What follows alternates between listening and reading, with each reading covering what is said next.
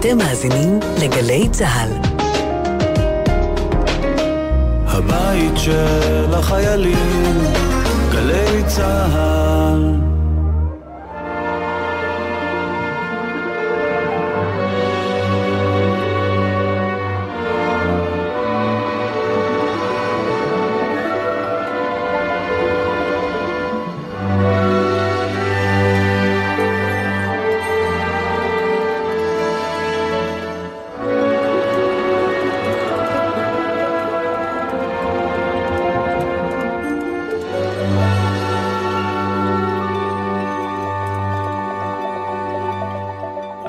שלום, אתם על תוכנית המוזיקה של גלי צה"ל, אני אייל כהן ואנחנו בפתחן של שעתיים. את ההופעה הראשונה שלהם הם עשו בגינה הציבורית, בפארק נוגה ביפו, שם שלו נאמן ומתן דסקל יכלו לראות את ה vision שלהם והחזרות טרום ההופעה הופכות למופע אמיתי. תזמורת שכוללת בתוכה נגנים קלאסיים ומודרניים, נגני ג'אז ורוק, זמרים וגם אמני סינתסייזרים ומוזיקת מחשב. הגיוון הרב בא מתוך השפעות מוזיקליות והתנסויות של שניהם בתור נגנים, ואף גם מעולם המחול. מאז אותה הופעה ראשונה ב-2015, תזמורת ארמון בזמן הופיעה על במות רבות בארץ ובעולם ובפסטיבלים כמו מקודשת והאינדי נגב.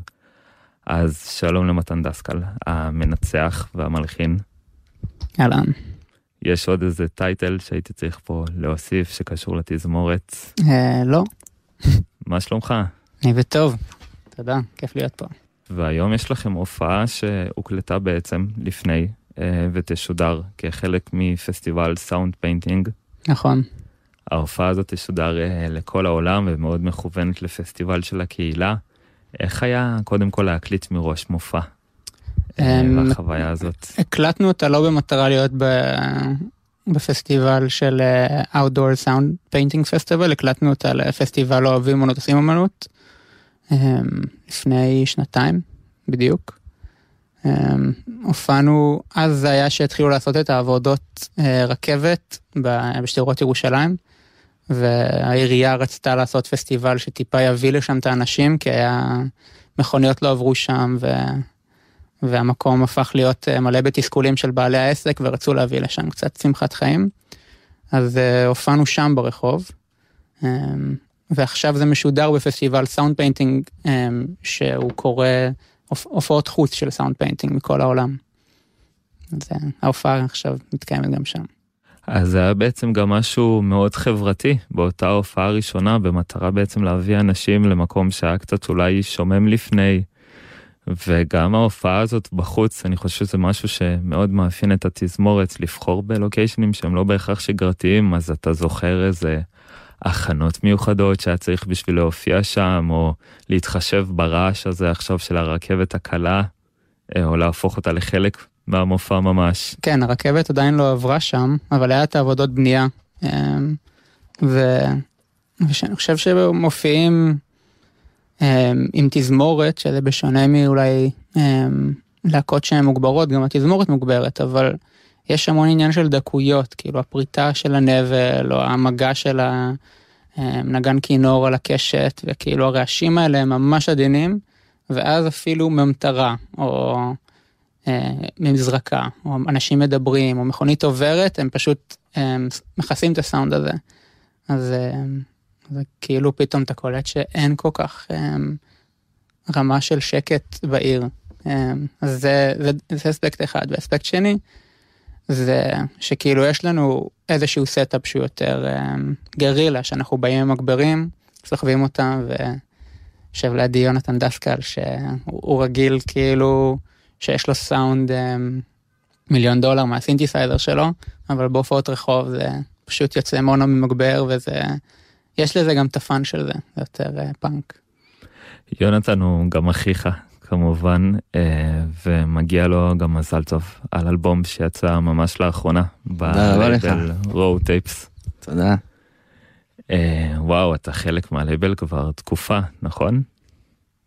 אה, התחלנו להקליט את האלבום הזה אצל יובי, שהוא מהבעלים של הלייבל והפרודוסר הראשי, ומוזיקאי גדול, וזה היה כזה סשנים די רחוקים אחד מהשני, בשנתיים וחצי האחרונות. כאילו כל החברים שלי בלייבל, אז אני מניח שאני חלק, אבל אה, כן, המוזיקה הולחנה כשהוא לחץ רקורד באולפן. לגמרי, ותספר לי קצת על התהליך של האלבום. יש שם אה, השפעות רחבות מהעולם הרחב הזה שאתה מציג מצד אחד סינתסייזרים, אבל גם הפסנתר הקלאסי שאתה כל כך מחובר אליו. ואיך נוצר בעצם החיבור הזה שם, או שהרגשת שכל סשן כזה, בגלל המרחק ביניהם, הוא עולם חדש לגמרי, שיכולת ליצור? אה, וואי, זה היה הזיות, הסשנים בקטע טוב, כאילו, כי בהתחלה לא ידעתי מה קורה, כאילו יובי הזמין אותי לסשנים בו זה, ולחץ רקורד, ובום, יצא, יצא משהו, כאילו. וככה זה הולחן, זה לא ישבתי, כתבתי והלחנתי איזה משהו, זה היה ממש קצת בדומה ל sound painting, זה כאילו משהו חזק של ההווה כזה, שהוא לוחץ record, ו... ואז יוצא משהו והולכים על זה. וזהו, אמ, וכן, ואולי בגלל שזה היה כל כך אינטואיטיבי, אז הרבה השפעות כזה מהשורשים שלי אמ, הוצגו שם, כזה מהפסנתר הקלאסי והסינטים, אה, לא יודע, טבע. ברומנטיקן, שהוא גם שם האלבום, יש איזה ווקל שחוזר על עצמו. כן. מאיפה הוא נגזר. וואו, זה אח שלי מתן, מתן דסקר. מאסטרו, קנה לי ליום הולדת 18 את הספר שירה שנתן זך, כל החלב והדבש, נכון? זה אתה קנית לי. וזה הגיע עם דיסק, כתוב עליו תקליטור, ושנתן זך אה, מקריא את השירים שלו. וזהו, זה הסימפול שם. אמ, זה כאילו גם לא, אתה יודע, עבדנו על זה על Mac, אה, ש...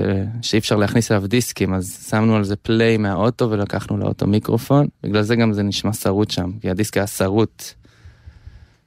וזה בהשראת שיר של נתן זך, רומנטיקן, הוא אומר שם, אני רומנטיקן מר מאוד, כשאני עם עצמי אני רומנטיקן חם מאוד, כשאני עם אחרים אני רומנטיקן קר מאוד. מדהים. ואני רוצה רגע לחזור דווקא לסיפור הזה שבעצם מתן קנה לך ספר שירה ואולי גם לילדות שלכם אתם גדלים לאימא שהיא מוזיקאית בפני עצמה. אה, וגם השתתפה באחת ההופעות שלכם או ביותר מאחת. אתם זוכרים את ההפריה המוזיקלית הזאת בבית בתור ילדים ואת זה שצללתם בתוך העולם של המוזיקה? אה, מבחינתי כן, אני זוכר אה, תכלס אני התחלתי עם הפסנתר, אה, המורה הראשון שלי היה מתן, כאילו. מתן ניגן פסנתר. הוא לימד אותי כמה דברים, היה לנו פסנתר אה, רוסי כזה, חום, די מאפן. וכן, זוכר שאימא שלנו הייתה שומעת איזה דיסק כזה עם מנגינת, מנגינת סקסופון כזה שאנחנו זוכרים מהילדות. יונתן, אתה סיפרת גם שבבית ספר אפילו, שהרבה פעמים uh, היית מקשיב למורה לספרות למשל, או לאחד המורים, ולא תמיד היית מבין מה הוא אומר, אבל היית מצליח להבין את הצורה שבה הוא אומר את המילים, ולשמוע שם איזה הרמוניה מסוימת, וליצור איזה משהו בין כל הרעשים האלה, זה נשמע כמו uh, שמיעה מאוד מעניינת, שגם תופסת המון מהתשומת לב שלך בעצם כן, עד היום אני לא מבין אה, עברית שמדברים עליי. אבל נראה לי שזה כאילו קשב וריכוז אולי, וכן, והסאונדים של הרחוב ושל זה. אני שומע שם מוזיקה, או שזה יכול להיות תקופות גם שגע אותי, ואני הולך עם אטמים בתל אביב או משהו, לא יודע. אשכרה, עד כדי כך. וזה גם נכנס לפעמים לתוך המוזיקה, כמו שאמרת באלבום, שאפשר לתפוס איזה סאונד של הטבע ולמצוא איך הוא בדיוק יושב במקום הזה עם הסינתסייזר שהוא בכלל אולי דיגיטלי, וליצור את ההרמוניה הזאת בין העולמות. לגמרי, כן.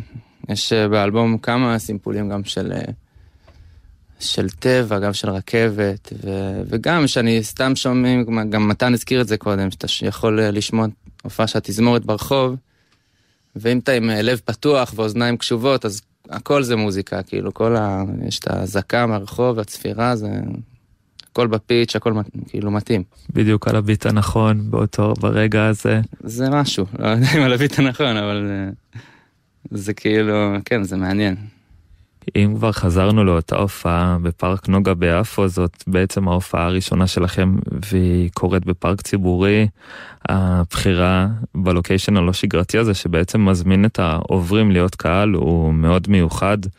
ויש רגע מתן שסיפרת עליו באחד הראיונות, שאפילו שידעת שאותם אנשים שמסתובבים עכשיו ברחוב, כנראה ממהרים לאנשהו, הם יושבים רגע ומאזינים, או שהקשב שלו, שלהם, הקשב שלהם כולו אליכם, זו תחושה מאוד מיוחדת. כן, אמ, אני חושב, יש, בתור רקדן, היה לנו כל מיני הופעות לפעמים ברחוב, וזו חוויה שהיא לי כחוויה מאוד קשה, התמודדות, כאילו, כי, כי הרבה פעמים התגובות של האנשים ברחוב יכולים להיות מאוד אה, מזלזלים, או, או אפילו מעליבים, שברגע שאתה מופיע באולם, אז אנשים באים עם איזשהו, כזה, הם מודעים לזה ש, ש, שעשית תהליך, ש, שהקבוצה עשתה תהליך, הגיעה לשם, ונותנים איזשהו כזה פתיחות למרחב של דברים שקורים, וברחוב יש אווירה של לדחוף ורגע לצפור, אז, אז לפעמים גם מקבלים אומנות ברחוב בצורה שהיא פחות סובלנית. אמ, אבל דווקא עם התזמורת לא הרגשתי בכלל במקום של התגוננות, כי כאילו גם אנחנו חבורה מאוד גדולה, ויש לנו ווליום. אמ, והיינו אז ממש בהתחלה, והיה לכולם אורות כזה, כולם באו אה, עם ניצוצות. אז, אמ, זה הרגיש שהיה נורא כיף להופיע אז ברחוב. רגע לפני השידור סיפרת לי על המשאית הזאת שהתאפקה ועמדה בשביל לא להוציא את הכבלים של החשמל, כן. ורגע גם להיות נוכחים בתוך הרגע הזה ובעצם להיות בו. אה, וזה אולי גם זמן לשמוע את רומנטיקן שדיברנו עליו מתוך האלבום של יונתן. Yes. אה, ונחזור לדבר מיד אחרי. אני רומנטיקן מרמות. כשאני עם עצמי, אני רומנטיקן חם. אה,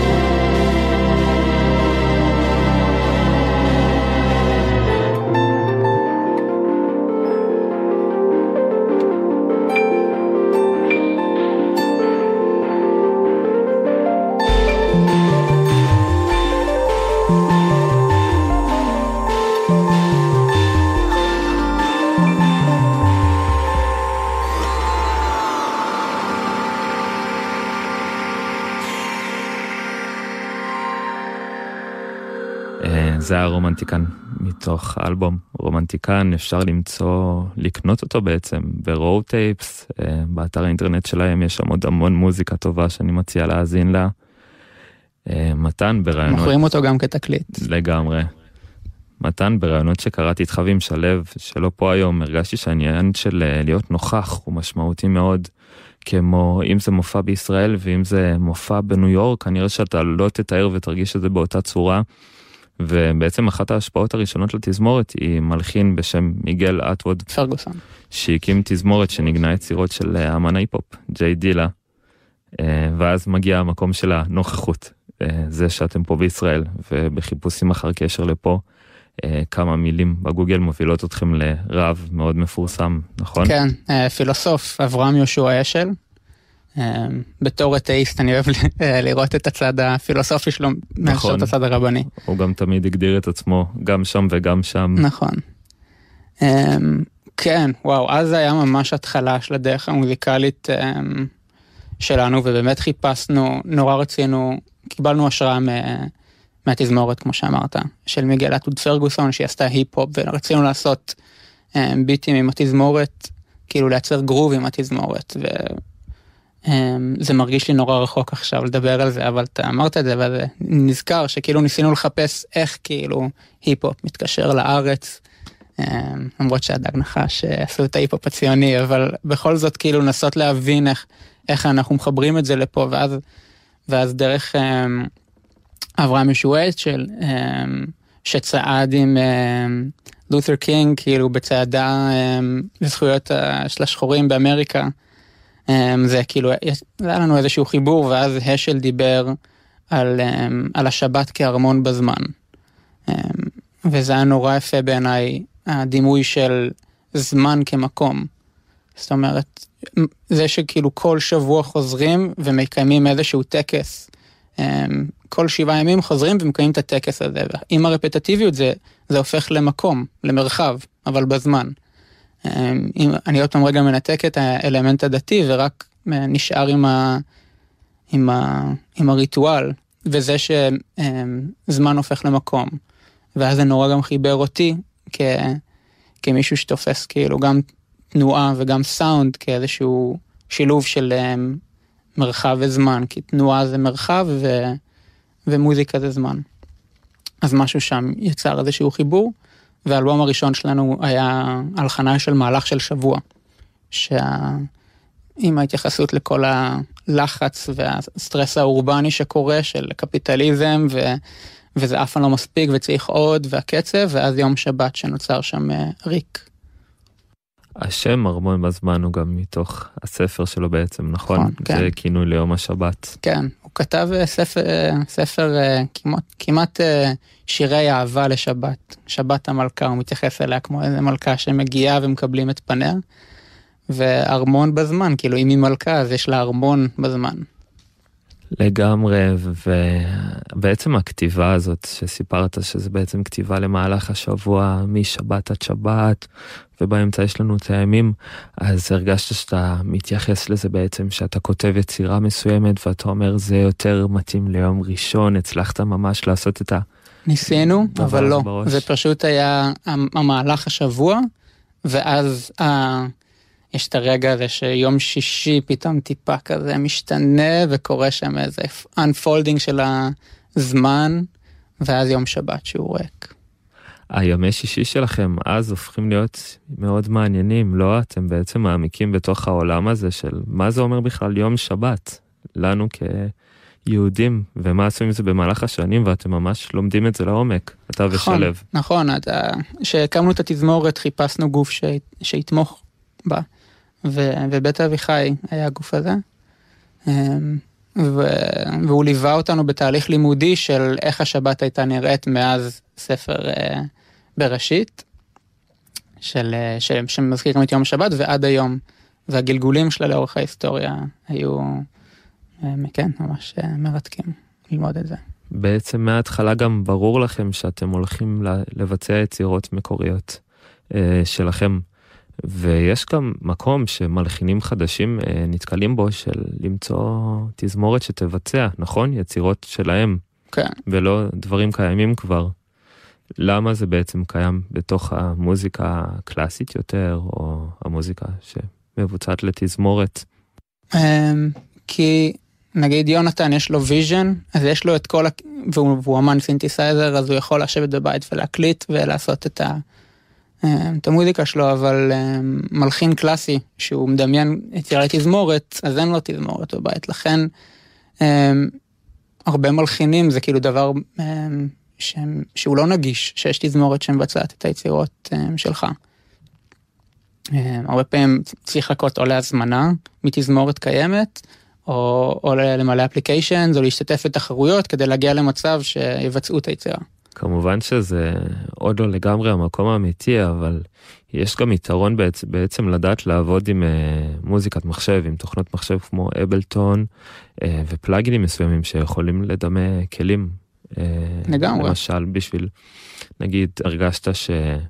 אתם כותבים את היצירות הראשונות, אז אתם אומרים, אוקיי, בוא נפנה לתזמורת, או בוא קודם נשמע את זה במחשב למשל, ונבחר שיהיה כזה ויולין, ואז שיהיה גם איזה חצוצרה מסוימת, ולשמוע את זה שם, ולראות אם אני מקבל איזה סוג של תמונה, זה משהו שהיה? ברור. אמ, אז אנחנו בהתחלה לא חשבנו להקים תזמורת, בהתחלה רצינו לכתוב יצירה, ואז חיפשנו הרכב שיבצע אותה, ואז הוקמה תזמורת, פתאום חשבנו, יש אה, איש יקר שנקרא מיקי גוב.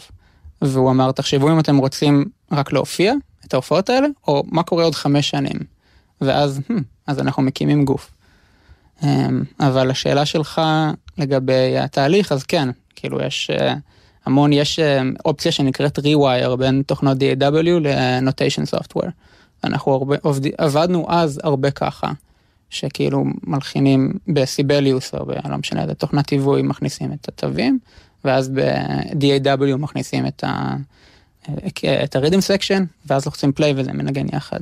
למאזינים ומאזינות ששומעים ושומעות ואולי לא מבינים את זה לגמרי לעומק, אז בעצם יש תוכנת מוזיקה שבה אני יכול לשמוע כמה כלים אה, ולכתוב להם תווים מסוימים. כמובן שצריך לדעת לפני כן תווים ובעצם להעמיק בתוך זה, אבל זה אפשרי.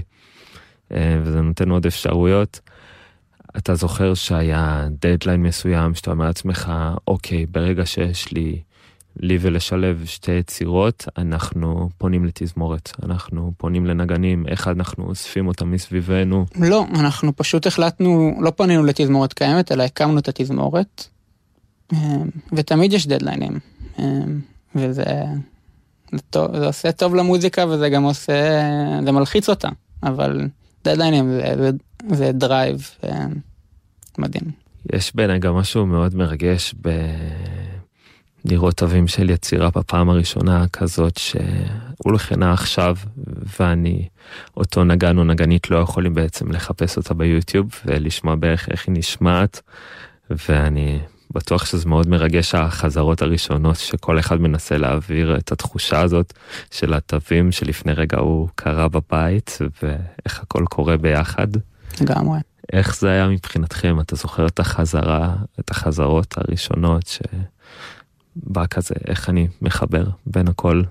כן, אז עוד פעם, אנחנו חוזרים אחורה להרבה שנים, כאילו... אה, לגמרי. זה... אה, קודם כל היה לי מרגש שיונתן אה, היה איתי שם בחדר, ו... ואימא שלי גם ניגנה, וזה היה הרבה חברים, כאילו, חברים שלי מה... מהתיכון, טל אברהם ונוי יעקב ושני בר, והיו, היינו כזה, הרגיש כמו חבורה כזה ש, שהתאספה, והיה היה מאוד מאוד מרגש. אני מאוד התרגשתי ולא תכננתי להיות המנצח, כאילו פשוט באתי לנהל את החזרה ועל הדרך קלטתי שאני צריך ללמוד ניצוח ולדעת אה, לעשות את זה, אבל היה, זה היה תחושה ממש, אה, לא יכול להסביר אותה, ממש קסומה. ואז אתה מחליט גם להעמיק בעולם הזה של הניצוח? כן, הרגשתי ש... I have to. ולמדתי ברימון, ולמדתי ב... באקדמיה בירושלים, ולמדתי בסמוק, שזה אקדמיה לקומפוזיציה בברצלונה. בוא נשמע קטע מתוך אלבום הבכורה, שנקרא גם ארמון בזמן. יוצא לכם עוד אלבום בהמשך, אנחנו עוד נרחיב עליו, אבל זה מתוך אלבום הבכורה.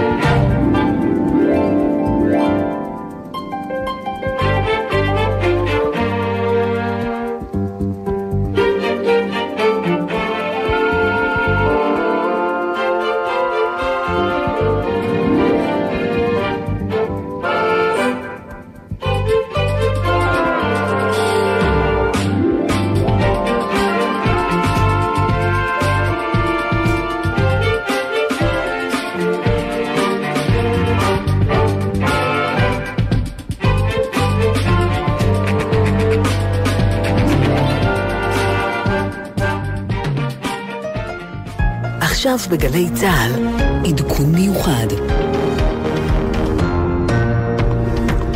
לילה טוב לכם, השעה עשר וחצי בחדר החדשות של גלי צה"ל ואנחנו עם עדכון חדשות מיוחד בעקבות מעצרם של שניים מהאסירים הנמלטים מכלא גלבוע.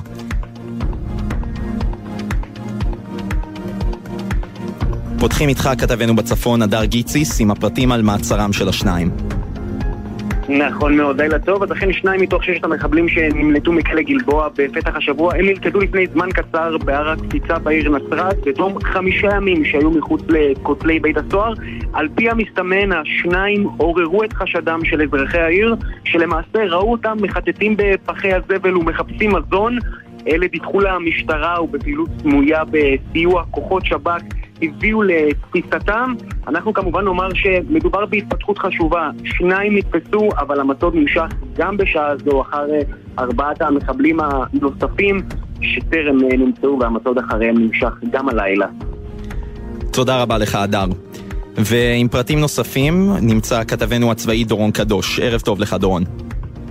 כן, שלום יונתן. אז לפי מה שאני שומע, בהמשך לדברים של הדר, שני הללו, אנחנו מדברים על מחמוד עבדאללה ערדה וגם על יעקוב קדרי, שניהם נמצאו במצב גופני די קשה. הם נמצאו תשושים כשהם ללא מזון, הם גם לא היו חמושים. כך שחשוב להגיד בעניין הזה, פעולת התפיסה עצמה, הלכידה של השוטרים, הייתה אה, מהירה ויעילה ברגע שהבינו אה, איפה הם וברגע שהתקבלו הדיווחים בנוגע למיקום שלהם, זה היה בהר הקפיצה בנצרת. כרגע הם מועברים להמשך החקירה בשירות הביטחון הכללי, והחקירה הזו חשובה במיוחד כי היא עשויה להניב אה, כמה פרטים וכמה ממצאים שעד עכשיו רצו מאוד אה, לדעת כאן בישראל. גם קודם כל בנוגע למבצע הבריחה עצמו מהכלא, כל מיני פרטים שעד עכשיו היו חסרים להבין איך בדיוק הם עשו את זה ואיך אה, בדיוק הדברים אה, פעלו שם, כל מיני חורים בסיפור הבריחה הזה ינסו להבין כרגע בשירות הביטחון הכללי, אבל יותר חשוב מזה, ינסו באמצעותם, באמצעות השניים הללו, ארדה וקדרי, להגיע לארבעת האחרים ולנסות להבין מה הם יודעים על המיקומים של ארבעת חבריהם, על איך הם נמלטו, מה היה נתיב הבריחה שלהם, שייתכן כמובן שהארבעה האחרים נמצאים בשטחי הרשות הפלסטינית, ושם כבר האירוע יהיה מורכב יותר, וצריך להגיד בעניין הזה, השניים נתפסו בחיים, זאת אומרת לא היה צריך להתנהל כאן איזשהו קרב ולא היה צריך אה, אה, לנהל מצוד אלים אחריהם, אלא תפסו אותם בצורה מהירה, פשוטה, אה, וזה היה מאוד מאוד חשוב, וזה חשוב להמשך המת... היציבות למעשה ברמה הביטחונית. אנחנו יודעים שהמצב הביטחוני בכל מקרה הוא מצב מתוח במיוחד, ואנחנו גם לא רואים עדיין תגובה, לא מהג'יהאד האיסלאמי, לא מהחמאס. אין ספק שהופתעו כאן קצת אה, בפלגים הפלסטינים מהעניין הזה. אנחנו עדיין לא רואים שמישהו שם הגיב על התפיסה הזו, על הלכידה הזו. מה שבטוח, האירוע הזה באופן אוטומטי, למרות שהם נתפסו בחיים ולמרות שהתפיסה שלהם עברה בצורה חלקה, האירוע הזה אוטומטית מעלה את הכוננות, מעלה את החשש מפני אה, הסלמה, מפני ירי אפילו של רקטות אולי מהרצועה, מפני עימותים בשטחים, ביהודה ושומרון. אנחנו כן אה, רואים כבר קריאות ברשתות הפלסטיניות להתחיל ולהגיע לבתים שלהם. הם גרים באזור ג'נין, ביישובים שסמוכים לג'נין, ולכן אין ספק, התפיסה הזו מצד אחד מעלה את הכוננות, מעלה את המתיחות, ואת הסיכוי לאיזשהו אירוע, אבל מהצד השני במערכת הביטחון גם מבינים שככל שתפסו אותם, זה אומר שהולכים ומתקרבים אל הארבעה האחרים, המאמצים הללו יימשכו בימים הקרובים, גם צה"ל, גם המשטרה, גם השב"כ וגם משמר הגבול ימשיכו ויעשו את המאמצים לתפוס את הארבעה האחרים, אה, מאמצים שעוד עשויים להימשך ימים, אולי אפילו שבועות. לילה טוב, תודה רבה לך דורון. וכעת הדס שטייף מצטרפת אלינו עם פרטים נוספים על פעילות המשטרה והשב"כ. לילה טוב, הדס.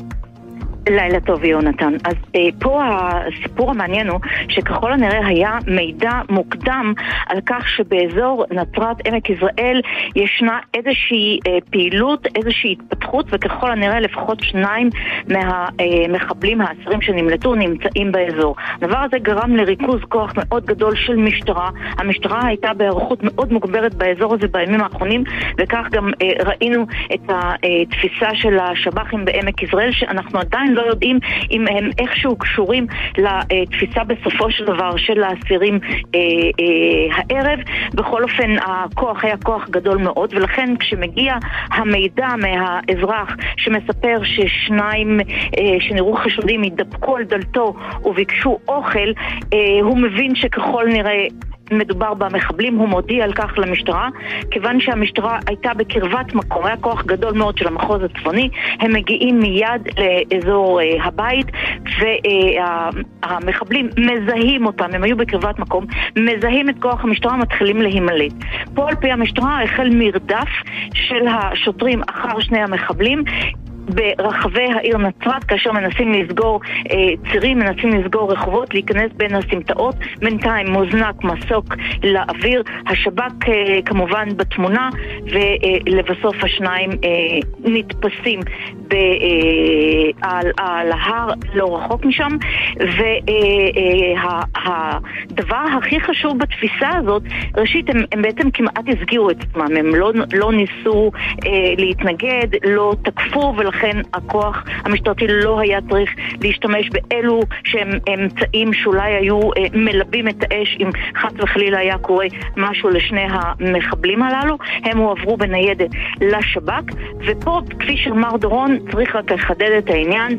המידע שהשניים האלה, על סמך מה שאני מבינה, ככל הנראה אחד מהם הוא המוח שתכנן את הבריחה, אה, יעירו על הבריחה, על האופן בו בוצע החפירה אה, אה, החירור של הביתון, הזזת הפלטה, אה, מתכת שהוצבה שם, וכמובן כל הדרך וכל האפשרויות שאפשרו להם לעשות. את זה, זה מידע מאוד מאוד חשוב, בנוסף למידע שאולי ייתן אור על בריחתם של עוד ארבעת האסירים האחרים, מה שלא בטוח, אני שוב אומרת לא בטוח, מפני שהם בסופו של דבר התפצלו, ומרגע שהם התפצלו, אני לא בטוחה שהם יודעים לאן הארבעה האחרים אה, נמלטו, אבל המידע אה, הרב יעזור אה, לפחות למנוע את הבריחה הבאה, ויותר מזה, לגלות אה, את התעלומה. האם היה סיוע מבפנים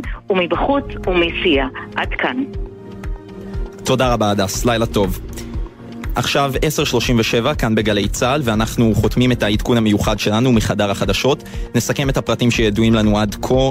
נתפסו שניים מהאסירים שנמלטו מכלא גלבוע ביום שני בהר הקפיצה בנצרת והמצוד אחרי ארבעת האסירים הנוספים נמשך גם בזה עתה. נגיד תודה למי שבצוות כאן באולפן, ים יוסף ואחינועם ויינברג. עדכונים נוספים יגיעו במהדורת החדשות. ומיד נמשיך כאן בגלי צה"ל עד השעה 11 עם מוזיקה שבחר לנו אילם דניאל. מערכת החדשות של גלי צה"ל בעדכון מיוחד.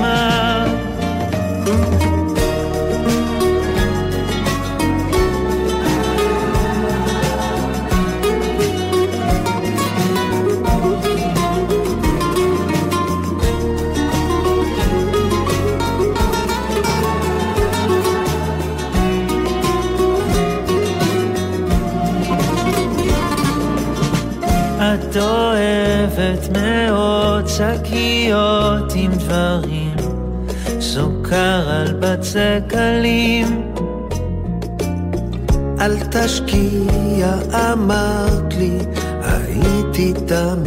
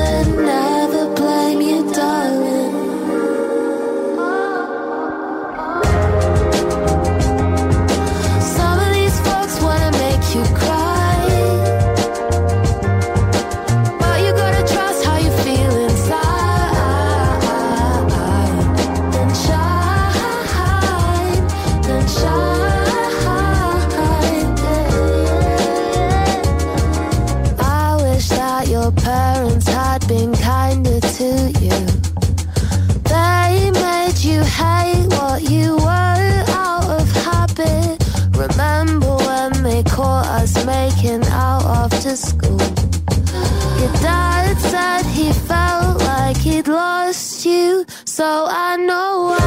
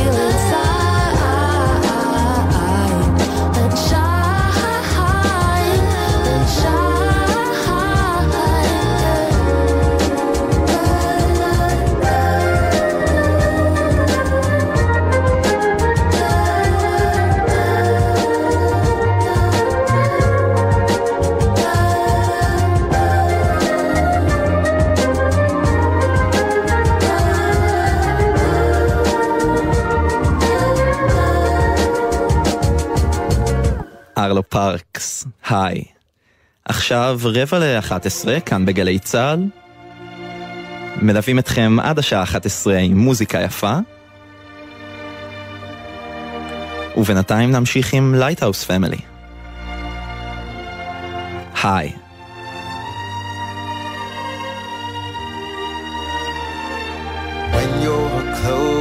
To tears, remember someday it'll all gonna get so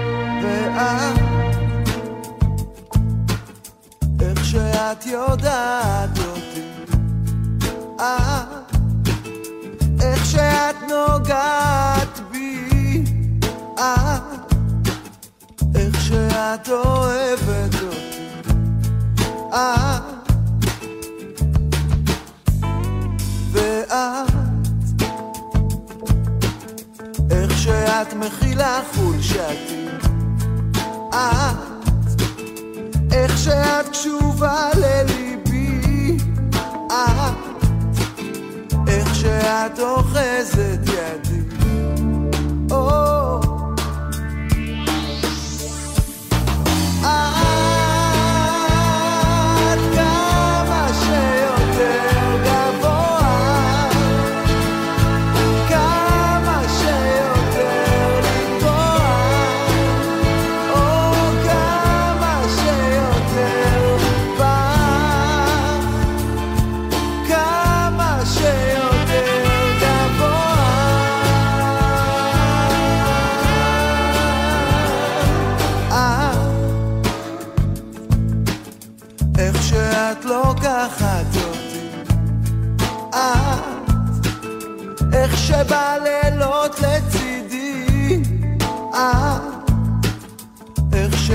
לומדת אותי, את, ואת, איך שבצחוקך שמחתי, את, איך בדמעתך כאבי, את, איך בהיותך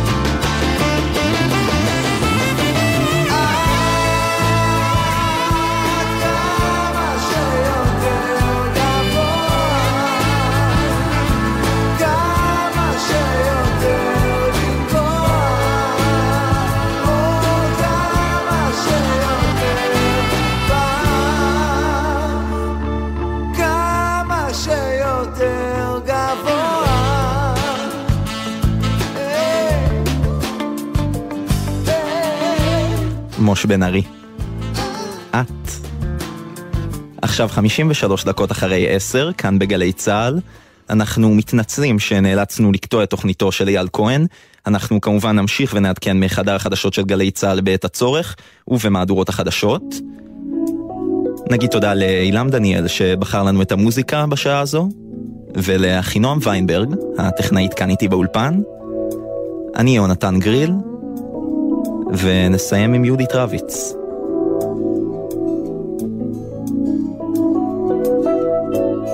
מילה טובה.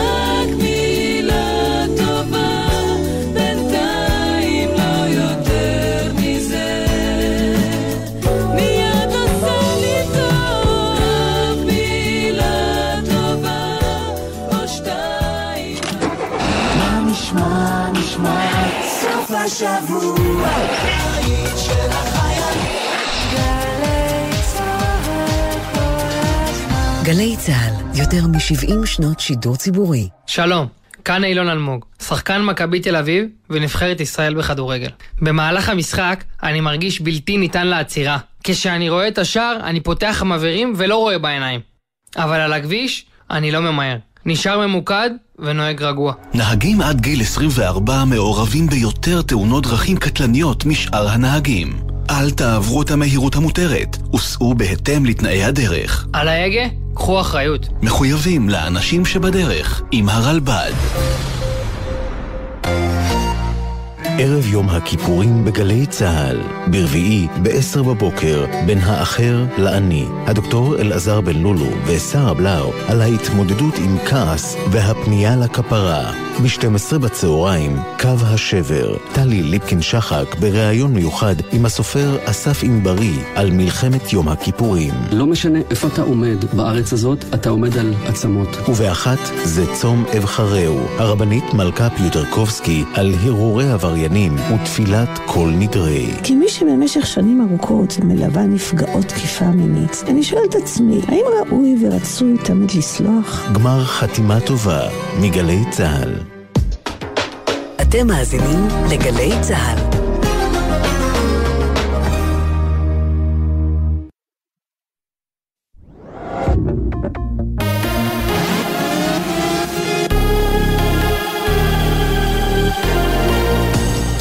גלי צה"ל השעה 11. שבת שלום, באולפן יהונתן גריל עם מה שקורה עכשיו. צבע אדום נשמע לפני זמן קצר במועצה האזורית אשכול. מדווח כתבנו בדרום, רמי שני. לפני זמן קצר הופעלה התרעת צבע אדום באזור הדרומי של המועצה האזורית אשכול סמוך לגבול מצרים. באזור נשמע פיצוץ אחד, ככל הנראה רקטה התפוצצה בשטח פתוח. הפרטים האלה נמצאים כרגע בבדיקה. אלה הם הפרטים הראשונים. עד לשעה הזו לא דווח על נזק או על נפגעים. עד כאן. בתוך כך, שניים מהאסירים שנמלטו בתחילת השבוע מכלא גלבוע נלכדו לפני זמן קצר בהר הקפיצה בנצרת. מדווח כתבנו לענייני צבא וביטחון, דורון קדוש. כן, שלום יונתן, אז שני המחבלים שנתפסו הם מחמוד עבדאללה ערדה ויעקוב קדרי, שניהם אנשי הג'יהאד האיסלאמי. הם נתפסו אה, בידי שוטרי המחוז הצפוני סמוך להר הקפיצה בנצרת, ולמעשה הועברו לחקירה בשירות הביטחון הכללי. צריך להגיד, התפיסה הזו שלהם נעשתה בצורה אה, נקייה יחסית, וזו פעולה שעשויה לספק לשב"כ הרבה מאוד מידע גם על מבצע הבריחה שלהם מכלא גלבוע וגם כמובן על אה, מקום הימצאותם של ארבעת אה, חבריהם. בימים הקרובים יימשכו המאמצים של צה"ל, של השב"כ, של המשטרה ושל משמר הגבול לתפוס את ארבעת המחבלים האחרים וצריך להגיד, כרגע אנחנו רואים תגובה ראשונית מהג'יהאד האיסלאמי, הארגון שאליו הם משתייכים. הוא אה, בכיר בג'יהאד האיסלאמי אומר שמעצרם לא ישבור אותם, הם חופשיים והם יישארו חופשיים. ותגובה נוספת, אולי גם יש של הג'יהאד האיסלאמי, ראינו לפני מספר דקות, אזעקת הצבע האדום שנשמעה ביישובי עוטף עזה. עד כאן. עם הפרטים על מבצע התפיסה של שוטרי המחוז הצפוני בסיוע השב"כ, שהוביל לתפיסת שניים מהנמלטים לאחר חמישה ימי חיפושים, מצטרפת אלינו כתבתנו הדס שטייף. לילה טוב יונתן. בימים האחרונים אה, עלה, עלתה סברה, הצטבר מידע ששניים לפחות מהמחבלים נמצאים עדיין בתחומי ישראל ומתמקדים באזור נצרת. על כן כוח רב של משטרה מהמחוז הצפוני יחד עם השב"כ התמקדו באזור הזה מעמק יזרעאל ואילך. נעשו חיפושים, נראו מחסומים והערב דווקא אזרח מנצרת טלפן למשטרה והודיע ששני חשודים התייצבו אצלו בפתח הבית וביקשו אוכל. הדבר עורר את חשדו ולכן הוא מיהר להודיע למשטרה. היות וכוח משטרה גדול מאוד היה באזור, כאמור בשל המידע, הכוח מגיע לאזור הבית של אותו אזרח. המחבלים שככל הנראה היו בסביבה הבחינו בשוטרים, זיהו אותם והחלו להימלט, כשמרדף משטרה בסיוע מסוק מבצע אה, חיפושים אחריו באזור נצרת, עד שלבסוף השניים נתפסו, מועברים לידי השב"כ וכרגע הם נמצאים בחקירה. החקירה, כפי שאמר אה, דורון, תספק מידע רב מאוד, לא רק על אה, הימלטותם של ארבעת האסירים על מקום הימצאם. פה, כיוון שהם נפרדו כבר אה, אה, זמן רב קודם לכן, התפצלו, לא ברור מה ידוע לשניים האלה על אה, אזור הימצאם, אבל הם יספקו מידע רב על הבריחה, תכנון הבריחה, האם שיתפו איתם פעולה, מי שיתף איתם פעולה, מבפנים, מבחוץ, איך אה, נעשו אה, כל הפעולות, מידע חשוב מאוד לשירות בתי הסוהר ולשב"כ בכלל. עד כאן. מזג האוויר, הלילה מעונן חלקית עד מעונן. מחר תחול ירידה קלה נוספת בטמפרטורות, והן תהיינה נמוכות מהרגיל בעונה. בשעות הבוקר ייתכן טפטוף עד גשם מקומי קל בצפון הארץ ולאורך מישור החוף. אלה החדשות שעורכת אורזוי סולומוני.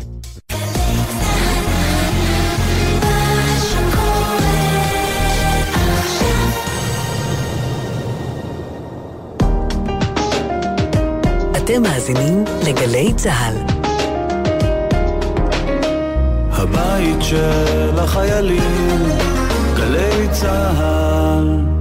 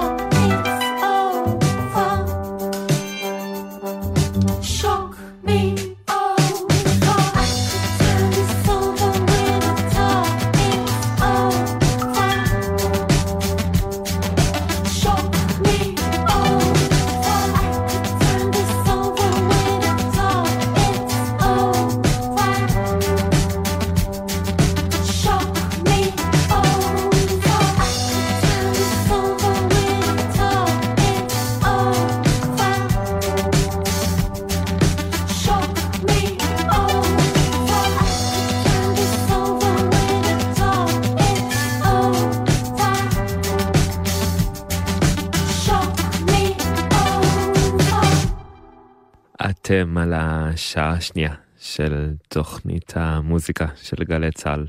שוב שלום, מתן דסקל. אהלן. אנחנו בשעתיים לכבוד התזמורת, ארמון בזמן. אה, אתה מנצח והמלחין אה, והמקים למאזינים והמאזינות שהצטרפו עכשיו. יש עוד איזה כמה הופעות אה, בקרוב שנרחיב עליהן בהמשך. בדיוק סיימנו את השעה הקודמת עם שיחה על הופעה חדשה. ההזמנות להופעות של התזמורת הן חוויה על העיניים בפני עצמן. מין מערבולת כזאת שמספרת גם על היצירה עצמה וגם נותנת הצצה להשקפת העולם מאחוריה. וראייה הרבה יותר רחבה. למקום הזה שהמוזיקה וחייכם בעצם מתערבבים יחדיו ואת השקפת העולם אתם מצליחים לתרגם לצלילים או לחוויה מסוימת. אה, וזה מקום שיש בו גם קושי מסוים אה, להצליח לתרגם את מה שדמיינתי בראשי לאומנות בה אני עוסק. אה, וזה נשמע אולי שאני מצפה עכשיו לשמוע ממך איזה נוסחת קסם אבל איך אתה מרגיש לגבי זה לגבי המקום הזה בעצם שאת שאתה מצליח לדמיין חוויה מסוימת בראש ולתרגם אותה למשהו שקורה במציאות אם זה מבחינה מוזיקלית כמו טמון ואם זה הופעות שיהיו בהמשך. אמ, אני חושב שבדמיון כבר יש, יש את הפנטזיה של הביצוע. כאילו, כשאתה מדמיין, עצם הדמיון הוא כבר מתקיים שם כל המרכיבים שמאפשרים לזה לקרות, ואז, אמ, ואז הכל שם כבר יחסית חלק משם. אמ, יש איזושהי פנטזיה, ואז עובדים על להגשים אותה. שזה, כן, אולי אתה יכול לחדד יותר את השאלה שאני אדע איך... אה, אמ, אם הייתי צריך לחדד את זה יותר אז הייתי שואל למשל אה, אולי על טמון אה, זו דוגמה טובה איפה ה vision הזה מתחיל.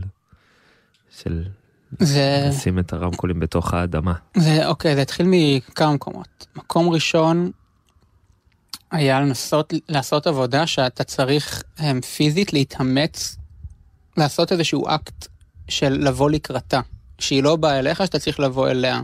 אז אם הרמקולים טמונים מתחת לאדמה, אתה צריך להישכב על הקרקע ולחפש את הסאונד, ו- וכאילו לבקש אותו כדי שהוא ייכנס אליך, כי הווליום הוא יחסית עדין וזה בעיקר ויברציות. אז זה היה מקום אחד שסקרן אותנו. אמ, דבר שני, זה היה אמ, לדמיין סאונד שהוא בריא. אני, הרבה פעמים סאונדים כואבים לי, כאילו שיש כזה רמקולים גדולים וחזקים, פשוט, אני תמיד מנמיך את הווליום, אני אוהב לשמוע מוזיקה בווליום יחסית חלש. ואני אוהב גם סאונדים מאוד סגורים בתדרים שלהם. ו... ויש פה חוויה שכאילו האדמה אוטמת מלא תדרים ואתה מקבל את זה קצת כמו חוויה עוברית, שכאילו כמו לשמוע סאונד אה, מאוד מאוד סגור. אז זה מקום שני שהוביל את הדמיון. אמ, עוד מקום היה אה, לרצות לעשות עבודה שהיא, שהיא כאילו מהדהדת קצת את כל התנועה של לשמור על כדור הארץ. אמ, אז, אז כאילו יש בו בעבודה אקט של להקשיב לאדמה, ו, ורגע אה, לגעת בה, ולהיזכר שצריך אה, להקשיב לה ולעשות דברים שישמרו על הכדור שאנחנו חיים עליו. אמ, כן. יש פה עוד מקום uh, מאוד מעניין שאם אני אשים עכשיו את האוזן בעצם על האדמה ואני ארים אותה ואני אשים שוב אני לא אשמע אף פעם את אותו דבר גם אם הקטע הזה יחזור על עצמו בלופים אז נכנס פה גם החד פעמיות אולי. כן. שאתה נמצא על הבמה לא נמצא אצלך שרביט ביד אפילו שאתה מנצח ולפעמים גם תתנועע מצד לצד על הבמה. ביום ראשון הופעתם בפסטיבל sound painting. אה, דיברנו על זה קצת בתחילת השעה הקודמת בעצם ההופעה הוקלטה בארץ ושודרה לכל העולם. לפני שאנחנו ממשיכים אני צפיתי בכמה סרטונים של sound painting וזה עולם שלם של מחוות ותנועות אני אשמח שתסביר על זה קצת יותר. כן. אז ש... שלמדתי sound painting אצל בן אדם שהמציא את זה, אז וולטר תומפסון אה, שאל אותי בבית שלו, If someone ask you what is sound painting, how would you describe it? ואז ניסיתי להסביר, הוא אמר לי, no. Sound painting is a multidisciplinary sign language. אמ, אפילו כבר לא זוכר את המשפט שהוא אמר. אבל היה לו משפט שכזה הגדיר את זה אה, נורא tight. אז, sound painting זה שפת הלחנה רב-תחומית שמאפשרת למנצח לתקשר עם התזמורת ב live על ידי שפת סימנים. מולטי דיסציפלינרית כי אפשר לתקשר גם עם מוזיקאים ועם רקדנים ועם שחקנים ואמנים ויזואליים. אמ, ושפת סימנים זה, היא מחולקת לארבע שאלות. מי, אני כבר מרחיב, אני כבר לא, לא קלטתי את הקטע, אבל אני מרשה לעצמי קצת להרחיב על, על. מה זה. sound painting מאפשר בעצם לך כמנצח לתקשר עם הנגנים ב live. היה, היה מישהו, אני תכף חוזר ל, לאיך היא, ל grammar של איך היא בנויה כשפה, אבל היה אמ, מלחין אחר שנקרא בוטש מוריס, שהוא בא מהתחום של ה free jazz, שהוא המציא שפה שנקראת conduction, גם בשנות ה-70 בניו יורק. אמ, וששאלו אותו למה, למה המצאת את conduction, אז הוא אמר שאני, שלמדתי ניצוח באקדמיה, ורציתי נגיד בזמן שאני מנצח לתזמורת לחזור לאות B, לחזור כמה תיבות אחורה. שאלתי את המורי שלי לניצוח, יש דרך לעשות את זה? והוא אמר לא. ואז הוא אמר, and then I knew I'm up to something. אז כאילו sound painting מאפשר אמ, לתקשר ב live אמ, עם הנגנים בלי לדבר. ואז זה יכול להיות גם בואו נחזור לתיבה הזאת וזאת, אבל אפשר לעשות הכל. אמ, וה, וה, אני חוזר עכשיו ל sound painting וה grammar ש, שהיא עובדת על אה, דרכה זה, היא שואלת ארבע שאלות. Who does what, when and how. מי עושה מה, איך ומתי. אז דוג... ואז כל שאלה כזאת יש לה הרבה סימנים. אז מי, למשל כולם, הם, מה, לנגל ציל ארוך, איך בווליום נמוך, מתי, בחמש שניות הקרובות. הם, ואז ככה אפשר להלחין יצירה שלמה על המקום, בלי לכתוב תווים, אה, בלי לדבר. פשוט באים, יושבים, ועל ידי תנועות אה, יוצרים אה, את הסאונד. וגם כרקדן זה היה לי נורא כיף, כאילו לזוז, כאילו, ולא רק אה, להזיז את פרק כף היד, אלא להזיז את כל הגוף כדי לתקשר עם הנגנים. גם זה נתן לי כלי לאלתר איתו. אמ, נתן לנגנים יכולת, יש לנו אה, מאלתרים פנומנליים בתזמורת. אני רק אעשה, אזכיר קצת, ניתן להם קרדיטים, אז שלו נאמן על כלי הקשה, אני רק נותן כמה דוגמא, לא אזכיר את כולם. אבל יונתן דסקל על אה, סינתסייזרים, שהשראה גדולה. ואור סיני על קונטרבאס, ויונתן שחר על גיטרה חשמלית, ו... ויש מאלתרים פנומנליים, וזה נותן להם גם דרך אה, לאלתר ולא רק נגן מוזיקה כתובה. ל... אם אנחנו לוקחים את זה בעצם למקום המוזיקלי, אז אה, ביצירה כזאת מוותרים על התווים בעצם, נכון? והם קשובים לך לגמרי. כן. כתבתם שאתם מתאמנים על זה כבר uh, ארבע שנים, ובעצם לך שלמדת את זה, הייתה את ההזדמנות להתנסות גם כתלמיד, ולאחר מכן גם כמורה לנגנים והנגניות בתזמורת, נכון? כן. אמ, כן, אז למדתי, למדתי את השפה מוולטר תומפסון, ואני משתמש בה עם התזמורת. אמ, יש, אחד הנגנים בתזמורת הוא גם מנצח ב sound painting, וככה הכרנו, וככה הוא נכנס לתזמורת, יונתן שחר. זו שפה בינלאומית שכאילו, יש תזמורות sound painting בכל העולם, בארץ זה לא קורה הרבה. אז, אז לימדתי אותם, אבל אמ, אפשר גם, יש כאלה שיודעים את זה, מ- שלמדו את זה בעצמם. הייתה לכם הופעה בהודו, נכון? עם בעצם, עם המופע הזה של ה sound painting. זה היה בשיתוף עם הבית ספר למוזיקה שם. אה, תספר קצת איפה זה התחיל וככה הטיסה לשם והתהליך. אמ, היה לנו tour של, אה, גם של sound painting בהודו, אז הופענו ובכל מקום פשוט המוזיקה נוצרה על המקום, זה היה נורא כיף. זה חיבר אותנו הנגנים מאוד ב tour, כאילו הכל נוצר שם. אמ, וגם עשינו שיתוף פעולה, אה, עשינו שם כמה הופעות בכמה פסטיבלים, בכמה ערים, ובסוף הגענו לבנגלור, שיש שם בית ספר למ- למוזיקה, והעלינו את היצירה הראשונה של התזמורת גם יחד איתם, לימדנו אותם את היצירה, והופענו יחד איתם, עם התזמורת המקומית, זה היה נורא כיף. אמרו לי שיש, נגיד, איזה נגנים בודדים של אה, קרן בכל דרום הודו. כאילו, מוזיקה קלאסית זה לא משהו שהוא מאוד קורה שם. תזמורות זה לא משהו שהוא מאוד קורה שם. הם יותר במוזיקה פולקלור ההודי. אמ, אז היה חוויה לעבוד איתם, זה היה ממש אה, מרגש. הלמידה שם היא פחות עם תווים, נכון? בתוך כל העולם הזה של המוזיקה ההודית. הם מתרכזים קצת בדברים יותר אחרים, לא? אני לא חקר, לא למדתי את זה, אז אני לא יודע, לא רוצה סתם להגיד. אבל אני כן, אני חושב שכן, אני מניח שזה יותר אה, עניין של המורה, שהוא המנטור, מלמד את התלמידים, ו, הכלים המסורתיים שלהם הם פחות עובדים מתווים, אבל אני כן יודע שיש תווים, כי כאילו לכל הטבלה, לכל העברות, יש, אפשר לרשום את זה גם. אה, דה, דין, תא, כאילו לכל מכה יש לה שם ואפשר איכשהו לטוות את זה, אבל אני באמת לא מספיק מבין בזה. הטור הזה בהודו קורה כבר בתוך תקופת הקורונה? כן, זה קורה סוף פברואר, תחילת מרץ, ממש, אה, שחזרנו לארץ, מיד אחרי שחזרנו, אז uh, התחיל הסגר הראשון של שדה התעופה, ואחריו הכל uh, התגלגל.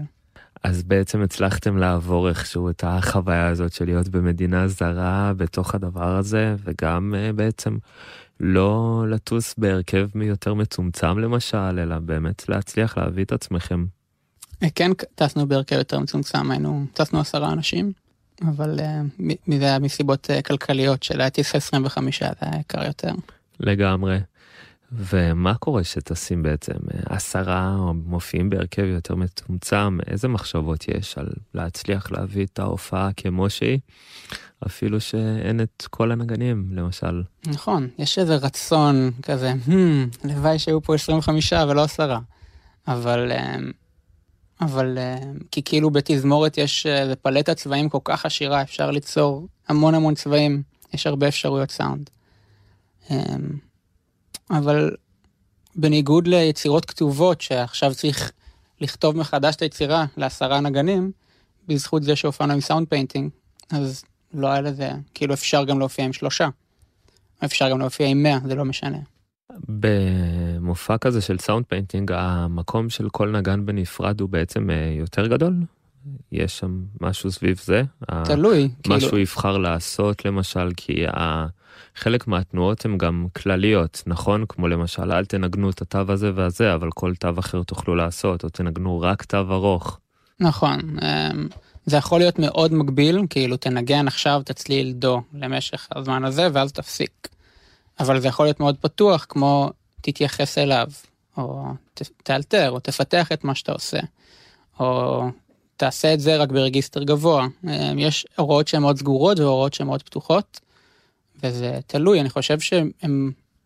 מי שאוהב את זה, אז הוא יכול להרגיש מאוד מעורב. אחד הדברים גם ש... שהביאו אותי לשם זה איך לשבור את, ה...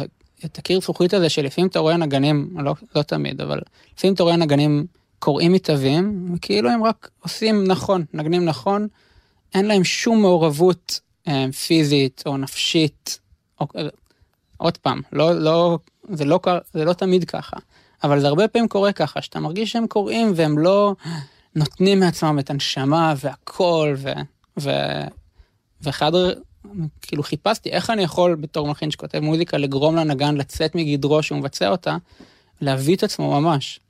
אז sound painting זה אחד הדרכים. מעבר לשיתופי פעולה שיש לכם בעצם בתוך התזמורת, אתם משתפים פעולה גם עם אמנים חיצ- חיצוניים, עם אמנים חיצוניים. אחד משיתופי הפעולה שלכם הוא עם האומן אוהד פישוף, שנמצא איתכם כבר כמה שנים, נכון? כן, זכות גדולה. למי שלא מכיר, אוהד יוצר בתחומים רבים כמו מחול, כתיבה, וידאו וסאונד, אה, וגם במרחב של הזמן, כמו לעשות את הגשר שחוצה את לונדון ממש ממש לאט. צפיתי בזה, זה לקח לו תשע שעות, כמובן שהוא קיצר את זה, אבל אה, זה משך הזמן. איפה מתחיל החיבור הזה ביניכם? חיבור מתחיל בבת שבע. אמ, אוהד פישוף עובד הרבה עם אוהד נהרין, כוריאוגרף של בת שבע, ששם רקדתי. אמ, והוא היה בא, לה- הוא היה עושה איתנו שיעורים. אמ, וזה היה small talks כזה ודיבורים מדי פעם על, על סאונד ו, וככה, ו, והיה לי הערכה מאוד גדולה עליו תמיד. אמ, ואז יש את הקטע הזה בארץ של אירוחים, כזה שפסטיבל פונה אליך ובוא תופיע, אבל תביא, תביא אמן ש, שיהיה, שימלא את האולם. זה מין צורך קפיטליסטי כזה, ש, שמניע את האומנות אה, ל, ל, לעשות אירוחים. אז אמרתי, טוב, אם כבר נגזר עלינו הגזרה של לעשות אירוח, אז לפחות שיהיה מישהו שאני ממש רוצה לעבוד איתו. אז עם אוהד אה, נורא רציתי לעבוד, ומאז נוצר הקשר מ-2016, ועד היום אנחנו עושים דברים יחד בהקשר של התזמורת, ואני תמיד נורא נהנה. הזכרת את אה, אוהד נהרין, אז אה, גם הוא המציא שפה משל עצמו, את הגגה בעצם. נכון. אתה זוכר השפעות מסוימות מהשיעורים שלו, משהו כזה המון, המון, המון. בסרטים שתמיד יש עליו, אז מרגישים שהרקדנים שלו מאוד מאוד משוחררים. אה, והם תמיד מתארים את החוויה איתו, כי אם הם תשעה, אז הם תשעה נגנים, הם תשעה רקדנים נפרדים בעצם, ולא כלהקה גם. אז איזה השפעות מיוחדות ככה, או השראות, הרגשת שאתה חווה ממנו? אמ, הגגה מדבר המון על... אמ, הוא מתעסק בחושים, הוא מתעסק בגרוב, אמ, ב- בבשר, בעצמות, אמ, ואני לקחתי, אני חושב, השראה גם מהדברים האלה כ- כאבסטרקט, כאילו להתייחס למ- למוזיקה כ- כפיץ', כווליום, כמשך, כגרוב. אמ, אז אמ, נגיד, הרבה לוקח דימויים שקורים בפיזית ושם אותם במוזיקה. למשל, hide the beginning, היינו, היה, היינו עומדים וכאילו היינו צריכים להתחיל תנועה בלי שהקהל יראה את הנקודה בה התחלנו לזוז. כאילו שפתאום הוא יראה שאנחנו במקום אחר והוא לא שם לב איך, מתי התחלנו לזוז. אז נגיד להביא את זה לנגנים. ת, תתחילו לנגן צליל אבל תחביאו את ההתחלה, או תחביאו את הסוף. מתי בדיוק הצליל נעלם כאילו ש... אז אני הרבה לוקח משם למוזיקה. בוא נשמע עוד קטע מתוך האלבום, ונחזור לדבר אחרי.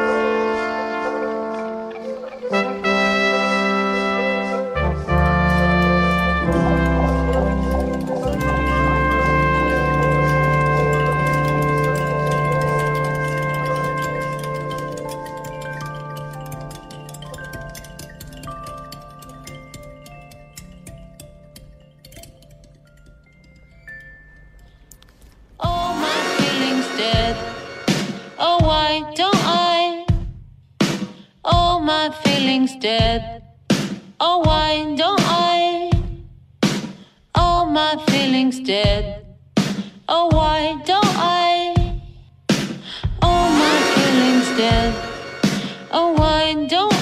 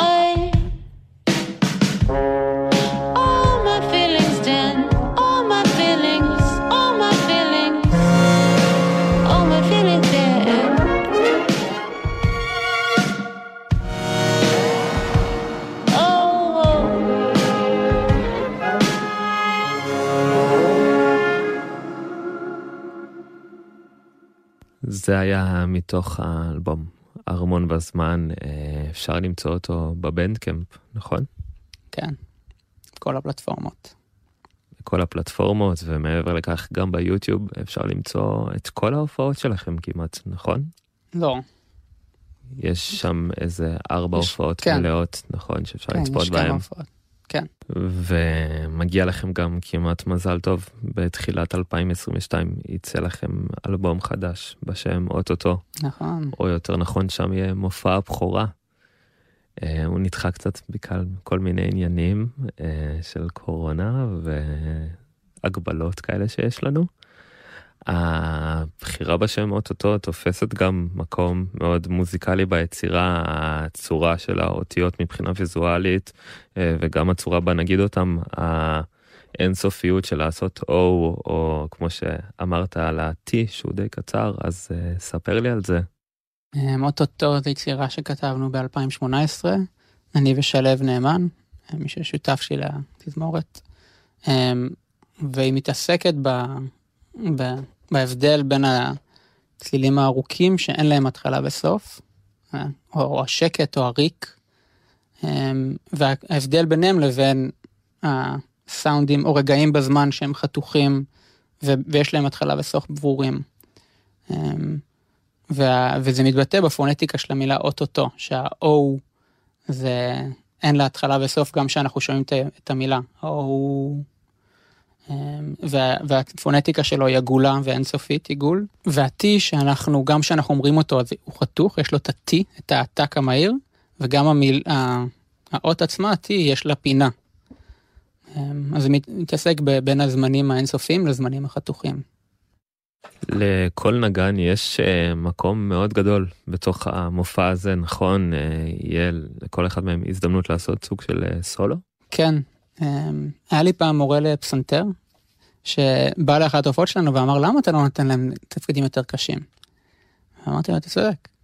אמ, אז היצירה הזאת היא מאוד סולנית, ויש הרבה סולואים מאוד וירטואוזיים וקשים לנגנים, שהתזמורת יושבת במעגל וכל פעם נגן אחר נכנס פנימה וקורה איזה מהלך ויש גם תנועה בתוך המעגל של הנגנים. המהלך הזה הוא מקדש את החד פעמיות, נכון? האלבום הפיזי שנאזין לו בבית לא בהכרח יישמע כמו הופעת הבכורה. כן, יש בהופעה הרבה רגעים של אלתור שכל הופעה זה נשמע אחרת. מדהים, והנגנים גם בעצם, הקטעים שהם ינגנו הם אותם קטעים בכל פעם, או שכל פעם יוכלו להביא סולו חדש. הם ב- באזורים של האלתור, אז הם יכולים כל פעם לנגן משהו אחר. יש גם סולואים שהם מאוד פתוחים. הם, כן. את שאר השאלות סביב המופע הזה, אנחנו פשוט אה, נזמין את המאזינים והמאזינות אה, לקנות כרטיסים. אפשר למצוא את זה באתר האינטרנט של ארמון בזמן. איפה זה קורה? הם, תהיה הופעה אחת בתיאטרון ענבל, בסוזן דלל, ועוד הופעה בצוללת בירושלים. מדהים, אז uh, כרטיסים יש גם שם, וגם כמובן באתרי האינטרנט של מקומות ההופעה. בפסטיבל ירושלים שהתקיים ב-2020 הייתה לתזמורת ארמון בזמן אה, הזדמנות לעשות אה, מחווה לאריק סידיי שהיה מלחין ומוזיקאי בריטי שמעבר לתרומתו ביצירותיו שלו הוא גם מוזמן ליצור יחד עם רוברט מוג את סינתסייזר ה percussion הראשון שזה מדהים בפני עצמו והתעסק רבות בתוך העולם הזה של מוזיקה אלקטרו-אקוסטית זה נשמע כמו משהו כמו הזדמנות מאוד מרגשת ליצור משהו בהשראת מלחין שאולי סולל דרך בתוך העולם האלקטרו-אקוסטי למרות שהשם הזה לא מוכר לכולנו הוא מה שהוא עשה ההשפעה שלו היא עד היום בעצם. מריק סידי, מלחין, אה, עבד בשנות ה-50-60 באמריקה. הוא המציא את הקונספט של סאונד לוגו. שכמו שלגלי צה"ל יש אה, גלי צה"ל, מה שקורה עכשיו. זה הסאונד לוגו של גלי צה"ל, וזה כאילו מגדיר אותם מבחינת uh, סונורית, וזה מזהה אותם, כמו שיש לוגו גרפי. אז היום זה נורא ברור לנו שיש אה, לחדשות את, ה, את, את ה sound logo שלו, או לפרסומת של מחסני חשמל, או לא משנה למה. אז הוא המציא את המושג הזה, וגם עוד דבר שהוא עשה, זה שהוא הביא פעם ראשונה סאונדים אה, סינתטיים ל, לרדיו. עד אז אנשים לא שמעו מעולם צלילים אלקטרונים, כולם הכירו קונטרבאס וכינור ופסנתר. והוא היה מהראשונים ש... שגרמו ככה לקהל הרחב אה, להתוודע לצילים האלקטרונים. באותו מופע היה לך הזדמנות אה, לשתף פעולה גם עם אח שלך, יונתן דסקל, אבל גם עם אימא שלך בעצם. נכון. אה, זה קורה הרבה. כן, אמא שלי מנגנת חליל בתזמורת מאז שהקמנו אותה. כן. מדהים. וזה גם השראה שאתה זוכר מהבית? העניין הזה של בעצם הנגינה בחליל, אתה זוכר אותה מנגנת בתזמורות או מופיעה? כן, היא הייתה באה לגן שלי, מנגנת לנו ולילדים את ארבע עונות. וואו. ואני זוכר הרבה ג'אז בבית, ואבא שלי גם שר, שר מדהים, זמר מדהים, זמר מפוספס. משפחת דסקל במלואה, זה ממש ככה. כן. וזה גם אולי מחבר לי כמה נקודות בעולם הזה שלך, שכל אחת מהיצירות שדיברנו עליהן היום, ובאופן כללי היצירות שאתם מבצעים, שזורות בחייכם באיזושהי דרך. זה יכול להיות השראה מספר או שפה חדשה שאליה נחשפת. וזה גם בעצם המקום הזה שהמון מוזיקאים שואפים להגיע אליו, הוא מקום מאוד מעניין, זה לחיות את המוזיקה בכל דבר שנתעסק בו. איך, איך אתה מוצא את זה ברגע שאתה קם בבוקר ועולה לך רעיון חדש, או שאתה נמצא במקום מסוים, אתה אומר, וואו, אני יכול לתרגם את זה איכשהו למוזיקה. כן, זה בא מחלומות, מהרבה השראה יש לי מחברים, שיחות עם חברים, או, או מכאילו אמנים אחרים שאני נחשף אליהם. השראה באה מכל כל מקום. ו, ואני מרגיש בר מזל באמת שיש לי את, את התזמורת. שהם גם חברים וגם משפחה, וזה גוף שאני יכול דרכו ואיתו ליצור, ואני ממש מכיר על זה תודה. וגם, כן, כרקדן, גם היכולת לבטא את, ה, את התת מודע בתנועה ולצלול לעולמות אחרים, זה מדהים. יש קושי במקום של אה, לבצע את היצירות שלכם עם תזמורות אחרות, למשל, אה, כמו שאמרת, שלפעמים אתה פוגש את המקום הזה אצל נגנים, שהם מנגנים בדיוק את מה שכתוב שם, אה, ואתה רוצה שהם דווקא יותר יבצעו יותר יבטאו את עצמם. אמ, כן, אמ, עשינו שיתופי פעולה עם תזמורות אחרות, עם התזמורת הקאמרית הישראלית ועם התזמורת בהודו, שדיברנו עליה מקודם. יש נגני תזמורת שהם ממש אינטואט, ויש נגני תזמורת שהם, זה שטויות מבחינתם, כאילו הם לא מוכנים לנגן את החרא הזה.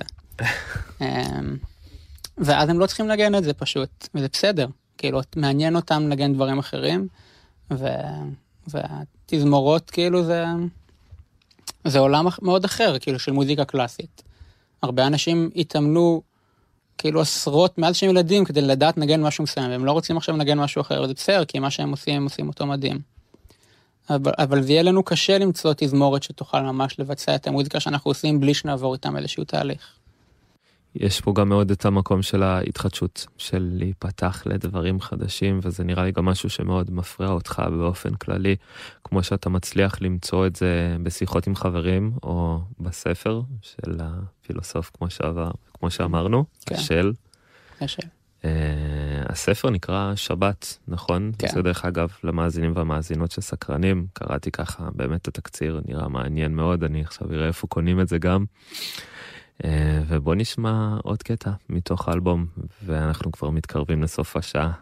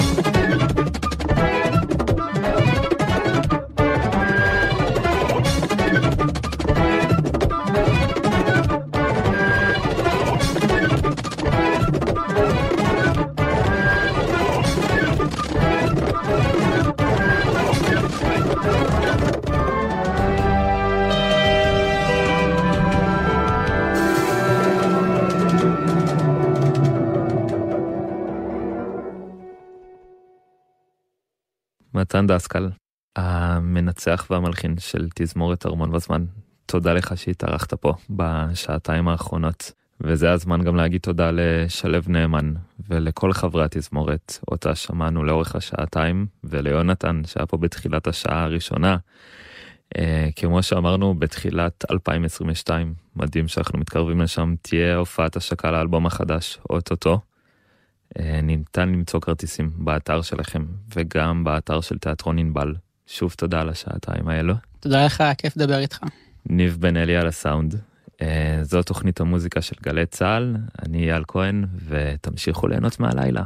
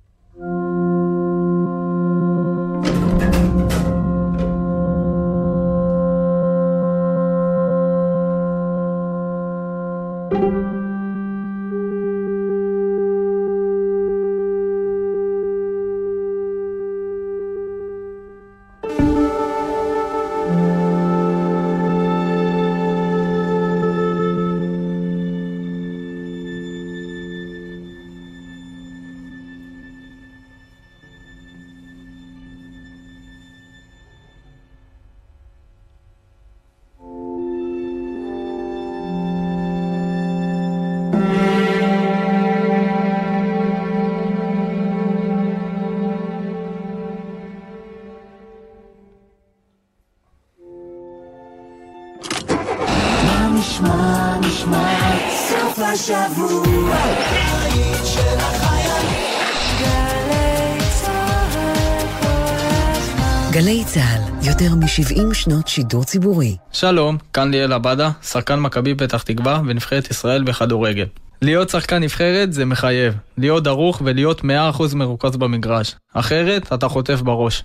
אותו הדבר גם בכביש. נהגים עד גיל 24 מעורבים ביותר תאונות דרכים קטלניות משאר הנהגים. מספיקה שנייה שהעיניים לא על הכביש כדי לאבד את השליטה על הרכב. כשנוהגים, לא נוגעים בנייד, לא כותבים ולא קוראים מסרונים. על ההגה קחו אחריות. מחויבים לאנשים שבדרך עם הרלב"ד. מיד אחרי החדשות,